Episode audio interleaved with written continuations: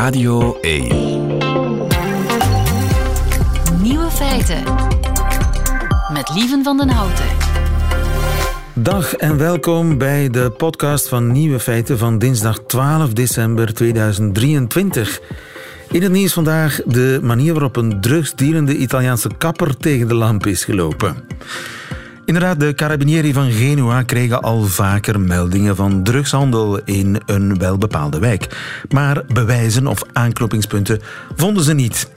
En dus gingen observatieteams aan het werk. En al snel stoten zij op iets verdachts. Een groot aantal kale, onbebaarde mannen die constant naar een kapper gingen. Een huiszoeking bij die ene kapper leverde op 100 gram cocaïne, weegschalen en drugsverpakkingsmateriaal. En die had hij niet nodig voor een balayage. Zo zit dat. De andere nieuwe feiten vandaag.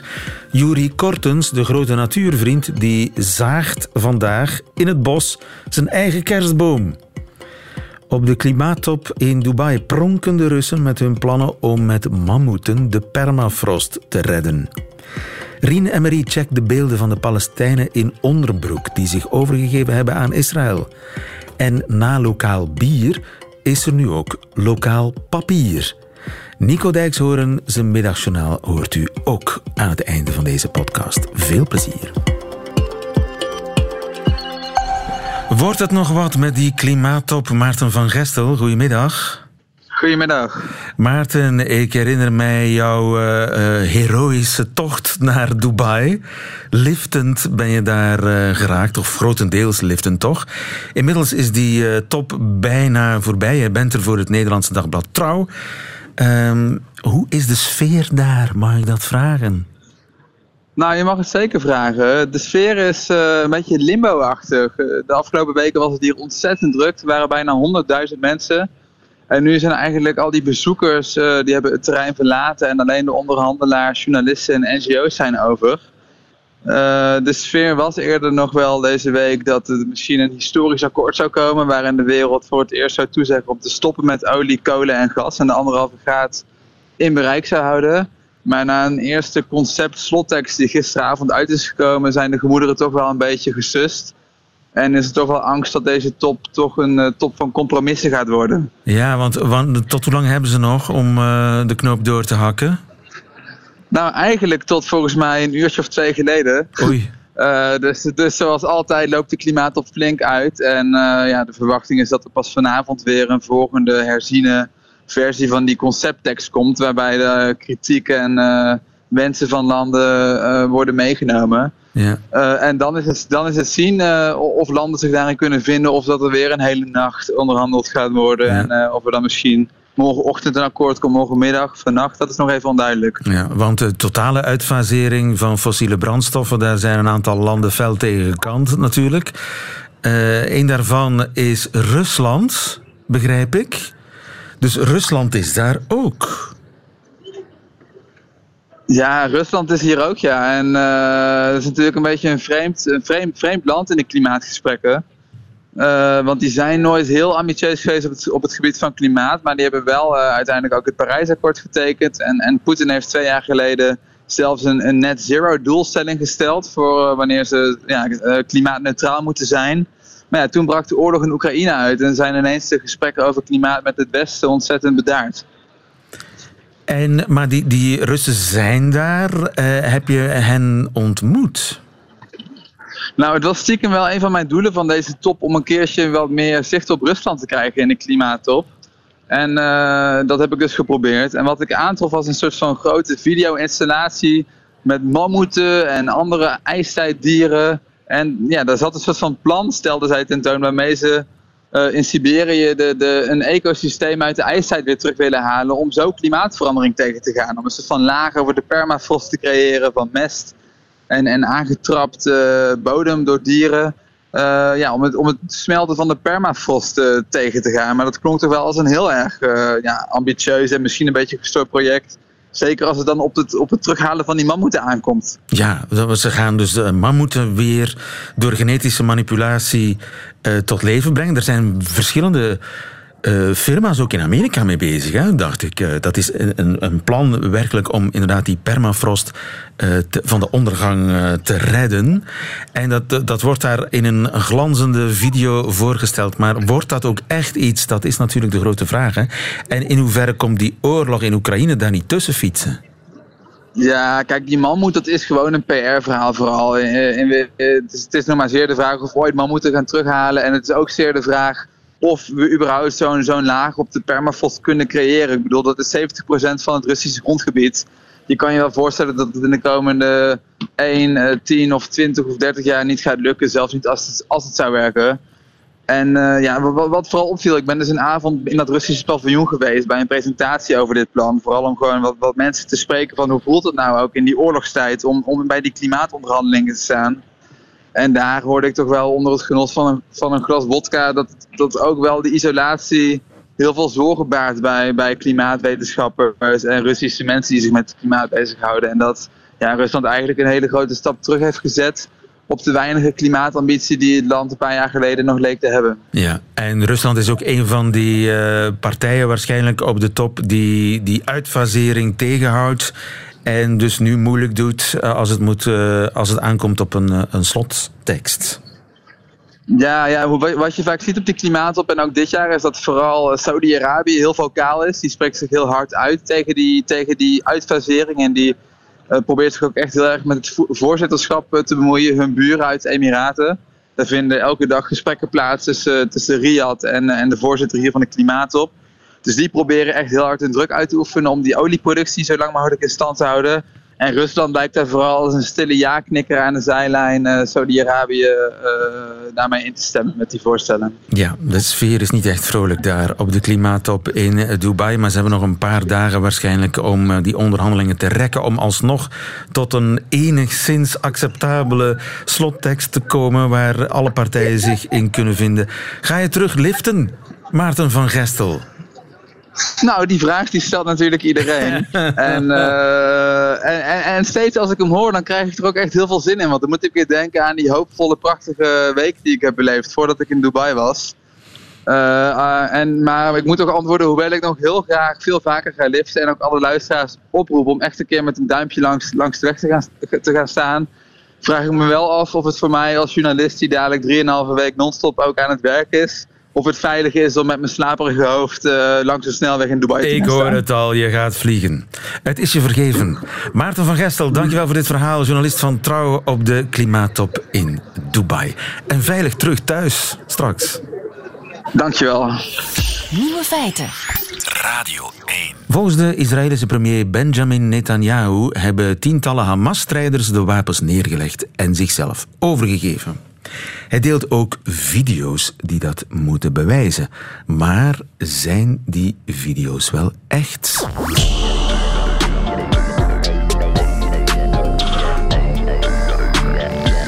De nieuwe feitenchecker. Dat is allemaal werk voor uh, onze nieuwe feitenchecker Rien en Marie. Goedemiddag, Rien. Goedemiddag. Op het internet circuleren beelden van die vermoedelijke overgave. Die staan ook op 14nieuws.be. Mm uh, zijn die beelden echt? Die beelden zijn gefilmd door het Israëlische leger. En die zijn in, de buur, in vrijdag en dit weekend gelekt naar, naar Israëlische media en naar andere influencers. En die werden verspreid op hetzelfde moment als inderdaad Netanyahu eh, zijn beweringen deed van ja, we, we zitten dicht bij het einde van de oorlog, het begint toch wel te lukken. En Hamas is zich um, volledig aan het overgeven. Hè. Niet alleen tientallen, maar zelfs honderden strijders zouden zich hebben overgegeven, zouden uh, ja, ja, de wapens Ja, want dat is het punt. Hè. En dat, daar is wel wat controverse over. Um, het specifieke filmpje waar het over gaat, want het zijn, eigenlijk, meer filmpjes, meer dan één, zien we een rij mannen, allemaal in ondergoed, die met de handen boven het hoofd staan en ze hebben zelfs een, een paspoort in hun handen. En um, er komt een oudere man, denk ik een jaar of zestig, um, niet, niet, ziet er ook niet zo fit meer uit. Uh, en hij draagt in zijn beide handen boven zijn hoofd een lader van een Kalashnikov en een Kalashnikov. Hij komt zeer voorzichtig op sandalen. In zijn onderbroek komt hij uh, onder instructie van een, uh, een Israëlisch militair met een megafoon komt hij naar de tank die daar in de straat staat en um, legt hij dat neer, die lader en die Kalashnikov. Ja. En dan duikt er een tweede video op, waar diezelfde man opnieuw met een lader en een Kalashnikov, maar in de andere hand, in de lader nu in de rechterhand en de Kalashnikov in de linkerhand, opnieuw datzelfde traject aflegt en opnieuw daar een, een wapen komt neerleggen. En over die video ehm, zijn er wat misverstanden. Want mensen beweren van, ja, dit is allemaal in scène gezet. Dit is het Israëlische leger die een man gewoon laat uh, verschillende keren hetzelfde wapen uh, naar, naar voren brengen en dan kunnen ze daar foto's van nemen en kunnen ze dat verspreiden met, met de boodschap van, zie eens deze Hamas-strijder die zich overgeeft, ons, ons heroïsche leger is het goed aan het doen in Gaza. Ja. Um, en dus de, de, de versie van de Palestijnen is dan, ja, dat zijn eigenlijk gewoon brave burgers die uh, door Israël te kijken worden gezet als Hamas-strijders. Voilà. En waar, waar ligt de waarheid? Um, uh, I was made for loving truth. Eh? Uh, de waarheid ligt in het midden. Um, wat gebeurt is het volgende. Als het Israëlse leger in een bepaalde wijk komt, of in een plek in Gaza, waar ze volgens hen zelf voldoende duidelijk gemaakt hebben dat alle mannen er moeten, moeten vertrokken zijn, um, dan gaan ze elke man die ze tegenkomen, ook elke burger, beschouwen als een potentiële Hamas-strijder. En dan verplichten ze die mensen om inderdaad te strippen. Volgens hen is dat nodig omdat Hamas in het verleden zoveel zelfmoordaanslagen heeft gepleegd met, uh, met explosievesten. Hè. Daarom moeten ze hun kleren uitdoen volgens het Israëlische leger, zodat ze zeker niet zichzelf kunnen opblazen als ze in de buurt komen van Israëlische soldaten. Ze moeten naar buiten komen inderdaad, met de handen in de lucht, met, met, met de paspoorten, uh, zodat ze kunnen geïdentificeerd worden. En ze moeten eventuele wapens die ze hebben ja, inleveren, als er wapens zouden liggen. Dus dat is wat in die video gebeurt. Men vraagt een, een oudere man om wapens die daar zouden zijn, waarvan men duidelijk weet dat ze er zijn, uh, te brengen in te leveren. Maar er zijn natuurlijk inderdaad foto's van die man verschenen met, met, die, met één wapen boven zijn hoofd. En daar werd dan van gezegd van ja, dit is een Hamas-strijder die zich overgeeft. Dat kan je niet zeker zeggen op basis daarvan. Meer nog, het feit dat er uh, niet alleen twee video's, maar ook nog een aparte foto van diezelfde man zijn, die telkens een opnieuw een nieuw wapen komt afleveren. En die stapelen zich dan op. Dat bewijst op zich ook niks. Ja, is het voornamelijk eigenlijk iemand die gevraagd wordt om eventuele wapens die daar zijn in te leveren, zodat men zeker ze veilig kan arresteren. Want wat doet men dan? Men arresteert dan de hele groep. Men neemt die mee voor ondervraging. En men gaat dan individueel gaan bepalen van jij, uh, jij was een Hamas-strijder, jij niet. Ja, maar dus houdt... het zijn potentiële Hamas-strijders. Voilà. Maar het wordt vaak gedeeld, die beelden worden vaak gedeeld door mensen die zeggen van dit zijn allemaal Hamas-strijders die zich overgegeven hebben. Israël dat beweert, het Israëlische leger dat beweert dat het allemaal Hamas-strijders zijn? Ja, nee, achteraf hebben ze gezegd van nee, dat, zijn, dat is niet onze lezing van die foto's, nee, dat zijn inderdaad mensen die opgepakt worden voor ondervraging. En achteraf bleek dan ongeveer dat um, 10 tot 15 procent um, niet vrijgelaten wordt. En de rest wel. Ja. Dus het gaat eigenlijk om een mix.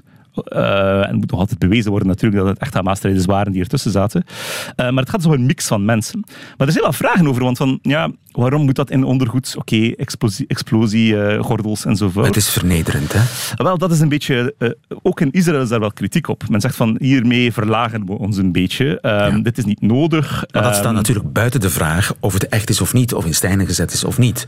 Daarop... Ja, maar het wordt wel, die beelden worden wel, zijn wel echt gelekt. Die zijn dus gefilmd en gefotografeerd door mensen van het Israëlische leger en dan gelekt naar de pers, omdat er wel een nood is in Israël naar dit soort beelden. Men wil wel graag bij, aan de bevolking tonen van zie eens hoe krachtig wij hier toeslaan, zie eens hoe hard dat we ze onder uh, ja, ja. kunnen, kunnen ja, maar er zijn altijd meer dan 100 gijzelaars niet bevrijd, hè? Inderdaad, dat, dat nog niet. Dat, klopt. dat pikt dat, natuurlijk. Dat pikt men niet en, en het, het, sleept aan. De grondoffensief doet het nu ook al een tijdje. En Netanyahu wil de, wil de boodschap geven van kijk, nog een paar weken en dan is het afgerond. Hey, zie maar, ze zijn echt massaal zich aan het overgeven al.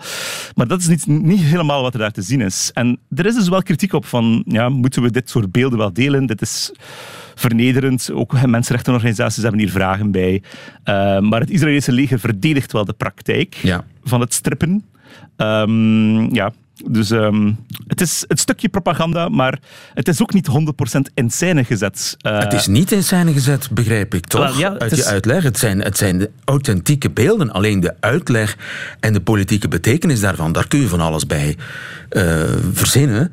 Maar de beelden zijn echt gemaakt op die plek Ja, en het is niet de vraag is iemand... natuurlijk, moesten ze op die manier gemaakt worden? Moest dat allemaal gefilmd Ja, ja, worden? Moest dat verdeeld worden? En dan, dan kan je zeggen van ja, dit is wel content die gemaakt is om dan de publieke opinie misschien tevreden te stellen of een deel van de publieke opinie die dit wil zien. Maar dus de publieke opinie in Israël is hierover ook verdeeld. In Haaretz, een progressieve krant, stond dan wel een opiniestuk die zegt van ja, dit is eigenlijk eh, dit is niet goed voor ons, ook niet voor ons eh, imago eh, dat we dit doen. Dat we dit doen. Maar andere mensen in Israël houden van dit soort beelden. Dus, Rien Emery, dankjewel. Goedemiddag, Helder. Goedemiddag.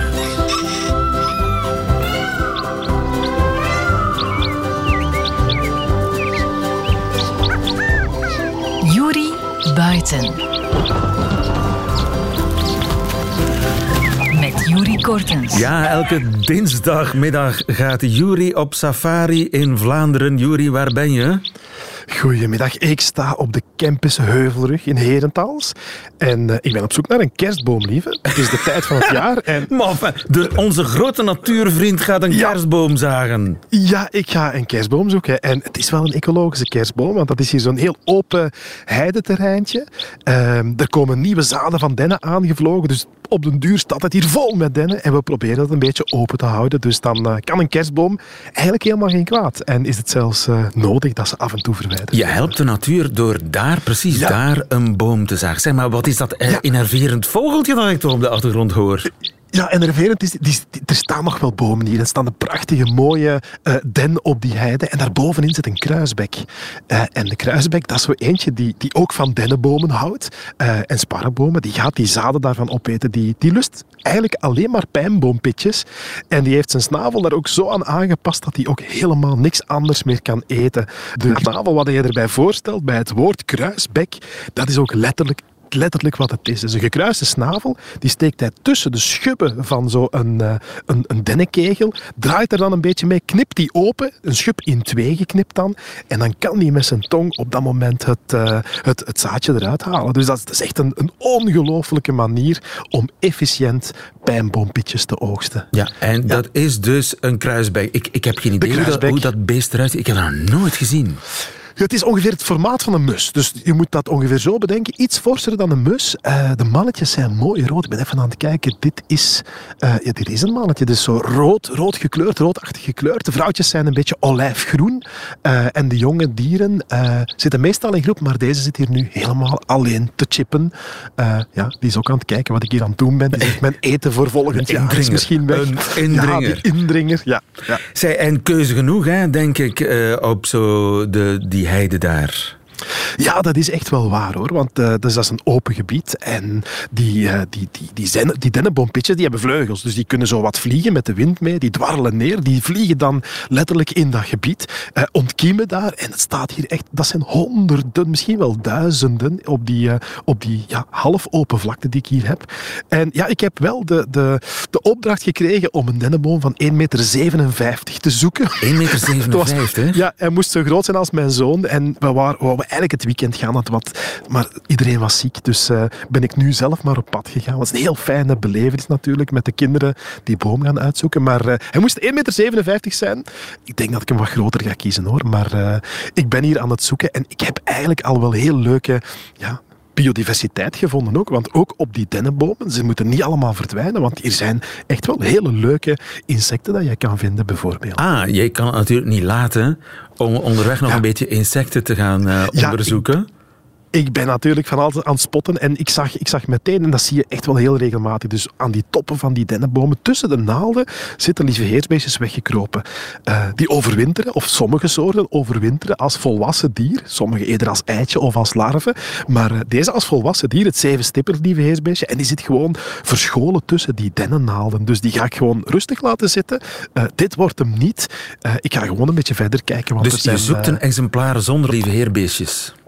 Ja, maar er zullen er sowieso wel, eh, wel tussen zitten hoor. En dan, dan worden die weer wakker binnen en dan moeten die een ander plekje zoeken. Dan Ja. laten we die buiten. Eh, maar dat is bij, bij standaard kerstbomen ook zo. Hè. Dat zit ook vol met, eh, met kleine beestjes. Ja, ja. Zeg maar, die bomen, dat zijn toch allemaal dezelfde? Nee? Of zijn, is elke is- boom anders? Elke boom is anders. Dat is echt, er zijn prachtige exemplaren bij. En er zijn, er zijn ook hele ja, rustieke exemplaren bij. Ook, dat zijn degenen Rustieke exemplaren? Ja, rustieke exemplaren. Eigenlijk kiest men hier ook van, van die mooie, uh, schilderachtige dennen te laten staan. En hier staat er zo eentje. Uh, die heeft eerst een rechte stam.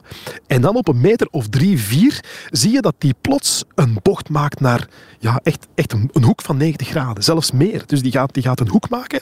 En dan uh, komt daar een soort van buiging aan. En ongeveer een metertje opzij, naast die stam, gaat dan de stam terug omhoog. Dus een soort van J die aan een stam is, is vastgemaakt. Ja, past in elke fermette toch? Ja, ja. ziet er rustig uit. Bij het ja, karrewiel ja. past het. Maar uh, ja, ga jij zo'n, uh, ja, ik noem het een gedeformeerd exemplaar, ga je dat meenemen? Die ga ik niet meenemen. Die is één, te groot. En twee, dat is, die is zo mooi uniek. Dat is, elke boom is dus uniek. En dat, is, dat, is, dat komt door een, een, een rups die dat gedaan heeft. Dus er bestaan van die kleine uh, nachtvlindertjes. Echt kleine beestjes. Die gaan eitjes leggen op de groeitop van zo'n den. Uh, en dan, ja, dan kan die niet meer rechtdoor groeien. En dan gaat een van de zijtakjes het overnemen. Dus dan uh, gaat er een knop die naar opzij gericht is. Gaat heel even, echt letterlijk 90 graden opzij. En dan gaat die terug weer omhoog gaan. Dus dat zijn ja, dat zijn ook, ook aanwijzingen van uh, bijzondere dieren. Dat ja, je, je, je, ziet, je, ziet die soms in, uh, in horrorfilms, hè, dat, dat soort bomen. Ik dacht altijd dat dat props waren. Dat, dat, dat, nee, nee, dat bestaat echt. Bedacht waren, bedachte bomen waren. Maar dat bestaat dus ja. echt dat bestaat echt. En, en als, je, als je in zo'n dennenbossen rondkijkt, dan weet je dat dat, dat, dat bestaat. Ja. Uh, maar, maar ik, er is zo'n plek in Polen waar dat er zo echt een paar honderd naast elkaar staan. En daar gaan dan de gekste verhalen de ronde dat die ooit door mensen zo gemaakt zijn om dan dienst te doen als uh, de boeg van een schip bijvoorbeeld. Omdat het dan meteen de goede vorm zou zijn. Ja, ja. Maar het is eigenlijk het is gewoon, gewoon, een rups door een, die eraan gebeten een rups die dat gebeten heeft. Ja, klopt. klopt. Dus uh, de Heiberg, daar mag iedereen daar zijn uh, ja, spar of den, wat is het? Wel, dat was vorig weekend zo. Um, dus het zijn wel vaste plekken geweest. En dat is niet de enige plek. Hoor, vaste plekken en vaste momenten. Jij bent eigenlijk illegaal bezig nu. Uh, ja, je ik ben samen gevraagd. met de beheerder hier. Je bent zelf de beheerder. Ja. Okay. Nee, ja, het is, het, is, het is een collega, dus ik uh, ben even gaan komen kijken. Uh, maar ik heb ook gezien dat bijvoorbeeld op de Liedeman in Oud-Turnhout, uh, daar kon je dat doen. In Maasmechelen, op de Mechelse Heide, daar heeft men ook, ook dennen geschupt of gezaagd om mee te pakken. Het zijn dennen. Ja, het zijn echte dennen en dennen. Die hebben langere naalden en die naaldjes staan ook per twee. Dennen duo, sparren solo, dat is zo'n ezelsbruggetje om dat te houden, onthouden. Uh, sparrennaalden zijn veel korter en staan, uh, staan eigenlijk individueel allemaal. En de dennen zijn, zijn, de inheemse soort. Dat is de soort die hier ook wel, uh, wel thuis hoort, die ja, grove den. Dus in de winkel kopen we sparren eigenlijk? Als in de winkel kerstboom. kopen we sparren, ja. ja dus is dat niet mooier, een spar? Wel, ik moet zeggen, mijn vrouw, dat was eerst een klik. Ze zei van, oh nee, die den is veel kaler. Die is een beetje eiler, kaal mag ik niet zeggen, maar wat eiler. Maar je hangt er toch wat kerstballen en wat lichtjes in. Dus nu is ze ook helemaal verknocht. Uh, ze, wil, ze wil ook geen, uh, geen gewone spar meer. Dus het is ook wel decoratief hoor. Het is, het is, en ze ruiken lekker en ah. ze verliezen hun naalden niet. Niet onbelangrijk dus, hè? De geur. Ja, ja, ja. Dat hoort erbij. En dat ze verliezen erbij. de naalden niet? Nee, die verliezen de naalden niet, tenzij dat je ze laat staan tot april. Hè. Dan, dan wel uiteraard, maar vanaf januari blijven die eigenlijk mooi fris staan. En die geur die komt natuurlijk van de hars. En daar heb ik nu eigenlijk ook een heel mooi uh, voorbeeldje van, van, gevonden. Want ik heb hier een harsmannetje gevonden op een, een van de zijtakken. Nu ben je aan het zeveren. Een harsmannetje. Er wonen harsmannetje. geen harsmannetjes. Je kunt mij alles wijsmaken, maar niet dat er harsmannetjes wonen in het, op de Heiberg. Er er wonen harsmannetjes. En, en wat zijn dat? Dat zijn harsbuilen, wordt dat genoemd. Dat is op de zijtak van één zo'n zijscheut. En dat is ook weer een nachtvlinder die dat gedaan heeft. Dus die heeft er een klein stukje van geknappeld en die den die reageert met haar hars naartoe te sturen. Dat is een wonde, dus dat moet afgedekt worden. Maar die rups die gaat dat gebruiken om samen met wat spinsel van zijde en uitwerpselen, die ze zelf ook produceert, gaat ze een soort van kokon maken van die hars. Die wordt hard en daar gaat ze in leven. Uh, gedurende twee jaar leeft leeft ze daarin en blijft ze genieten van een constante stroom van ja, dennensappen die, uh, die haar okay. tegemoet komen. En daar leeft hij van. En dat zijn van die haarsbuilen, knobbels. Ja, een, een, een, een druifdik bijvoorbeeld, is echt wel redelijk fors. Uh, en die vindt hij heel regelmatig. Ja, echt wel. Dat is zo groot. En daar woont dan een larve in. Maar, maar ze heeft ook twee kamers nodig. Uh, want de ene kamer, daar woont ze in, daar eet ze in, daar slaapt ze in. En de andere kamer, daar, uh, daar doet ze haar gevoeg in. Dus ze laat haar uitwerpselen niet in haar leefruimte. Ze geeft echt een apart uh, buitenhuisje. Studio met toilet. Ja, zo is dat. Een, ja. een harsmannetje heet dat. Ik dacht eerst aan een, een, ja. een, wezentje op twee pootjes, maar dat is eigenlijk een soort knobbel op een den. Ja. Ja, ja, ja, dus dat heeft eigenlijk een, een toffe naam gekregen. Je ziet dat uh, de, de mensen die, die verzinnen daar allemaal verhalen bij. Ik weet nu niet wat hier het verhaal ooit rond de ronde ging, welk verhaal dat dat net was.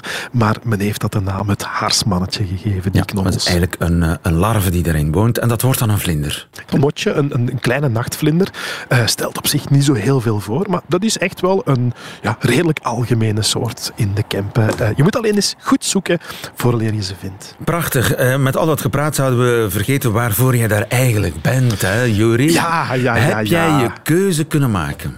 Ik heb hem gemaakt. Dit is hem, het, is, het is een meter 84 geworden in plaats van een meter 57. Meter 84? Zo groot. Ja, we hebben toch hoge plafonds, dus dat komt wel perfect in orde. Ja, een kerstboom moet uh, eigenlijk tot aan het plafond bijna komen, hè? Ja, eigenlijk wel. We hebben, we hebben ook een verhoogje hoor. Dus uh, ik denk dat dit hem het uh, wel gaat worden. Dus, uh, dus wat we nu gaan meemaken is een groene jongen, ja. notoire groene jongen, ja. de kampioen groene jongen, ja. die een boom omzaagt. Ja. Ben je er klaar voor, Juri? Ik ben er klaar voor. dus ja, iedereen, als jullie er klaar voor zijn, dit is het moment.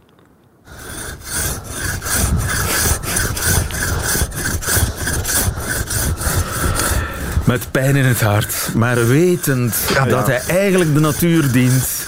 Ja, en, en, dat hij achteraf gecomposteerd wordt, ook ja, heel belangrijk. En denkend aan zijn kinderen thuis, die ziek zijnde met gespannen verwachting zitten te wachten op vader die met zijn kerstboom thuiskomt. Veel plezier met je boom. Jury Kortens, ja, tot volgende week. Tot volgende week. Radio 1.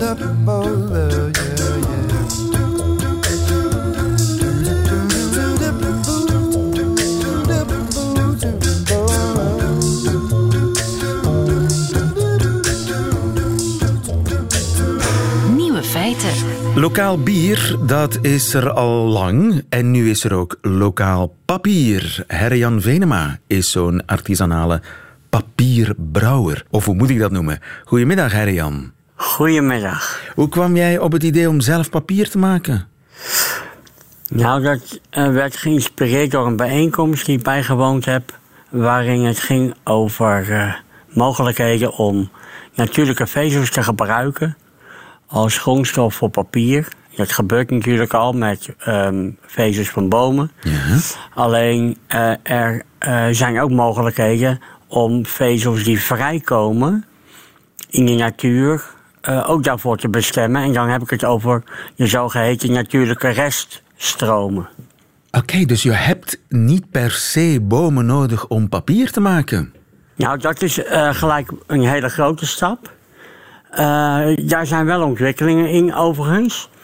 Maar wat wij gedaan hebben is gekeken van um, hoe kunnen we in ieder geval een begin maken.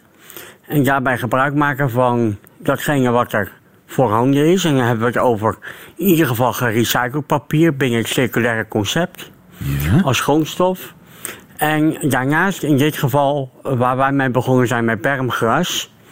En nog een klein beetje aangevuld met nieuwe cellulose voor de kleur van het papier en de stevigheid.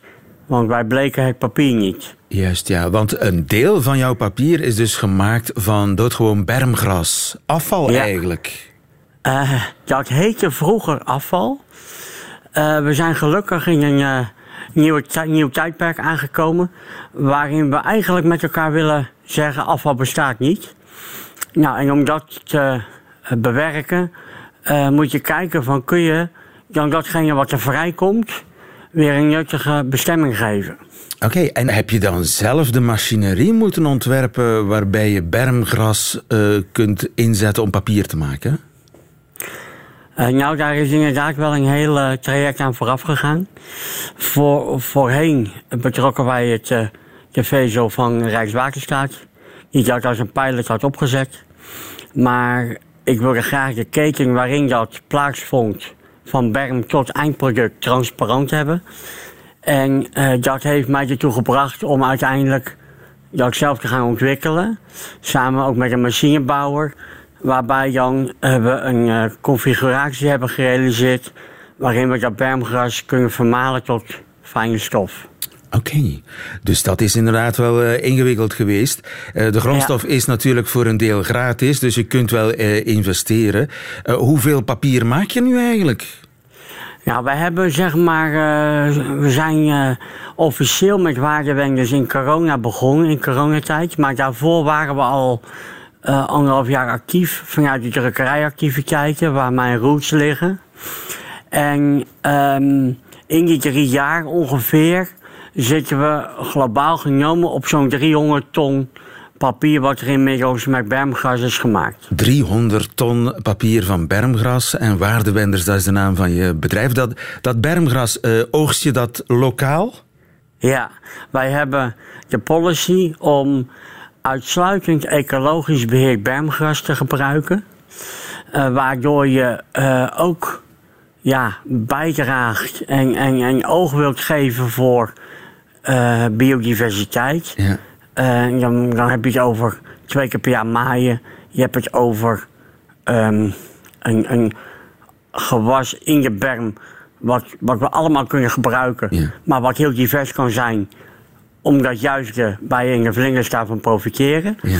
En omdat we dat lokaal doen, hebben we ook die lokale contacten met gemeentes en ook met uh, groenbeheerders. Okay. Om dat zeg maar op de juiste wijze en op het juiste moment um, ja, binnen te krijgen. Binnen te krijgen. Dus je, je, hebt het, uh, je hebt allerlei deals gesloten met gemeentediensten en groendiensten. Uh, ja. dat, uh, het uiteindelijke resultaat, het papier zelf, ziet dat er anders uit dan het gewone industriële papier? Ja, we bleken het papier niet. Het heeft een natuurlijke tint. Um, en de het bermgrasvezeltje is zichtbaar. En de reden daarachter is ook, los even van dat het technisch nu op dit moment ook zo gebeurt. Uh, en we er geen strak um, um, glad papier van kunnen maken waarbij het vezeltje onzichtbaar is. Want dan moet je toch weer allerlei processen gaan ja. uh, ingaan. Maar misschien maar, is het veel um, mooier zo. Ja, daarom. We hebben dus inderdaad gedacht van... hoe kun je dan ook het karakter van het papier aan laten sluiten op de beleving van nou ja, die stappen die we met elkaar willen maken. Je impact, ziet het gras als het ware in het papier zitten. Ja. Prachtig. Ja. En jouw bedrijfje, uh, is dat, kun je daar nu winst mee maken? Kun je daar geld mee verdienen met dat artisanale papier? Of is dat een hobby? Ja, uh, ondernemers beginnen vaak wel met hobby's, ja. uh, maar die hebben wel een doel. Uh, dus dus het is inmiddels wel zo dat we de kant op gaan dat we winstgevend worden. Wauw. En dat het ook, ook aantoonbaar, hè, ook gezien de contacten die we hebben in de markt op allerhande gebied, voorziet in een behoefte. Prachtig. Herre-Jan Venema, mag ik je veel succes wensen met je graspapier. Goedemiddag. Ja, dankjewel. Nieuwe feiten. En dat waren ze weer, de nieuwe feiten van vandaag, 12 december 2023. Alleen nog die van Nico Dijkshoorn, die krijgt u nu in zijn middagjournaal. Nieuwe feiten. Middagjournaal.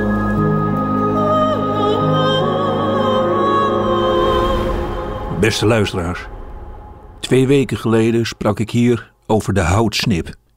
En dat is niet de naam van een doe-het-zelf winkel maar dat is een vogel. En achteraf denk ik dat ik toen te harde woorden heb gebruikt. Ik maakte mij in het middagjournaal vrolijk over zijn belabberde manier van vliegen. Het is eigenlijk meer een soort springen en dan heel onhandig weer op de grond donderen. Luisteraars, zelden heb ik zoveel reacties ontvangen op een middagjournaal. Honderden mensen stelden mij dezelfde vraag. Nico, kan jij niet vaker voor ons de ware aard van de vogels duiden? Kan jij ons op een eerlijke manier bijpraten over vogels die denken dat ze Gods geschenk op aarde zijn? En luisteraars, natuurlijk wil ik dat doen. En ik wil vandaag beginnen met een vogel die al heel lang het bloed onder mijn nagels vandaan haalt. De kleine karakiet, die precies zo klinkt als je zijn naam uitspreekt. De kleine karakiet klinkt alsof je met de hak van je schoen op het glazen oog van je opa bent gaan staan. En ik heb het even opgezocht wat de zogenaamde kenners over de kleine karakiet schrijven.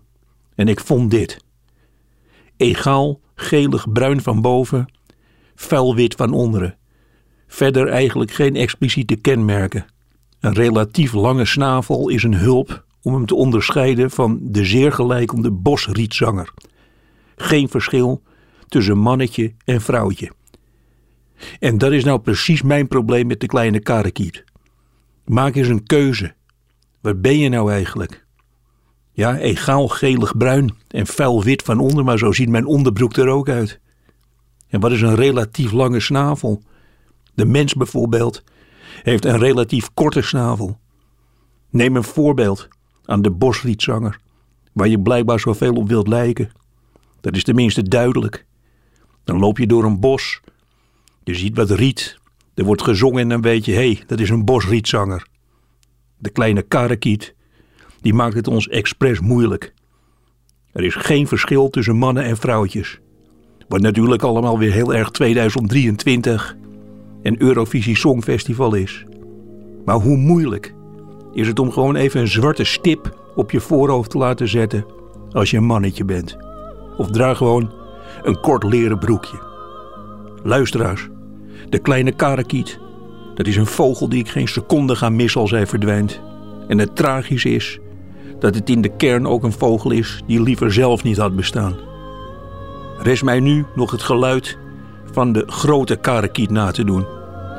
Hoort u het volgende geluid? Ka, rekit, kiet, kiet, kiet. Dan gewoon keihard negeren en doorlopen.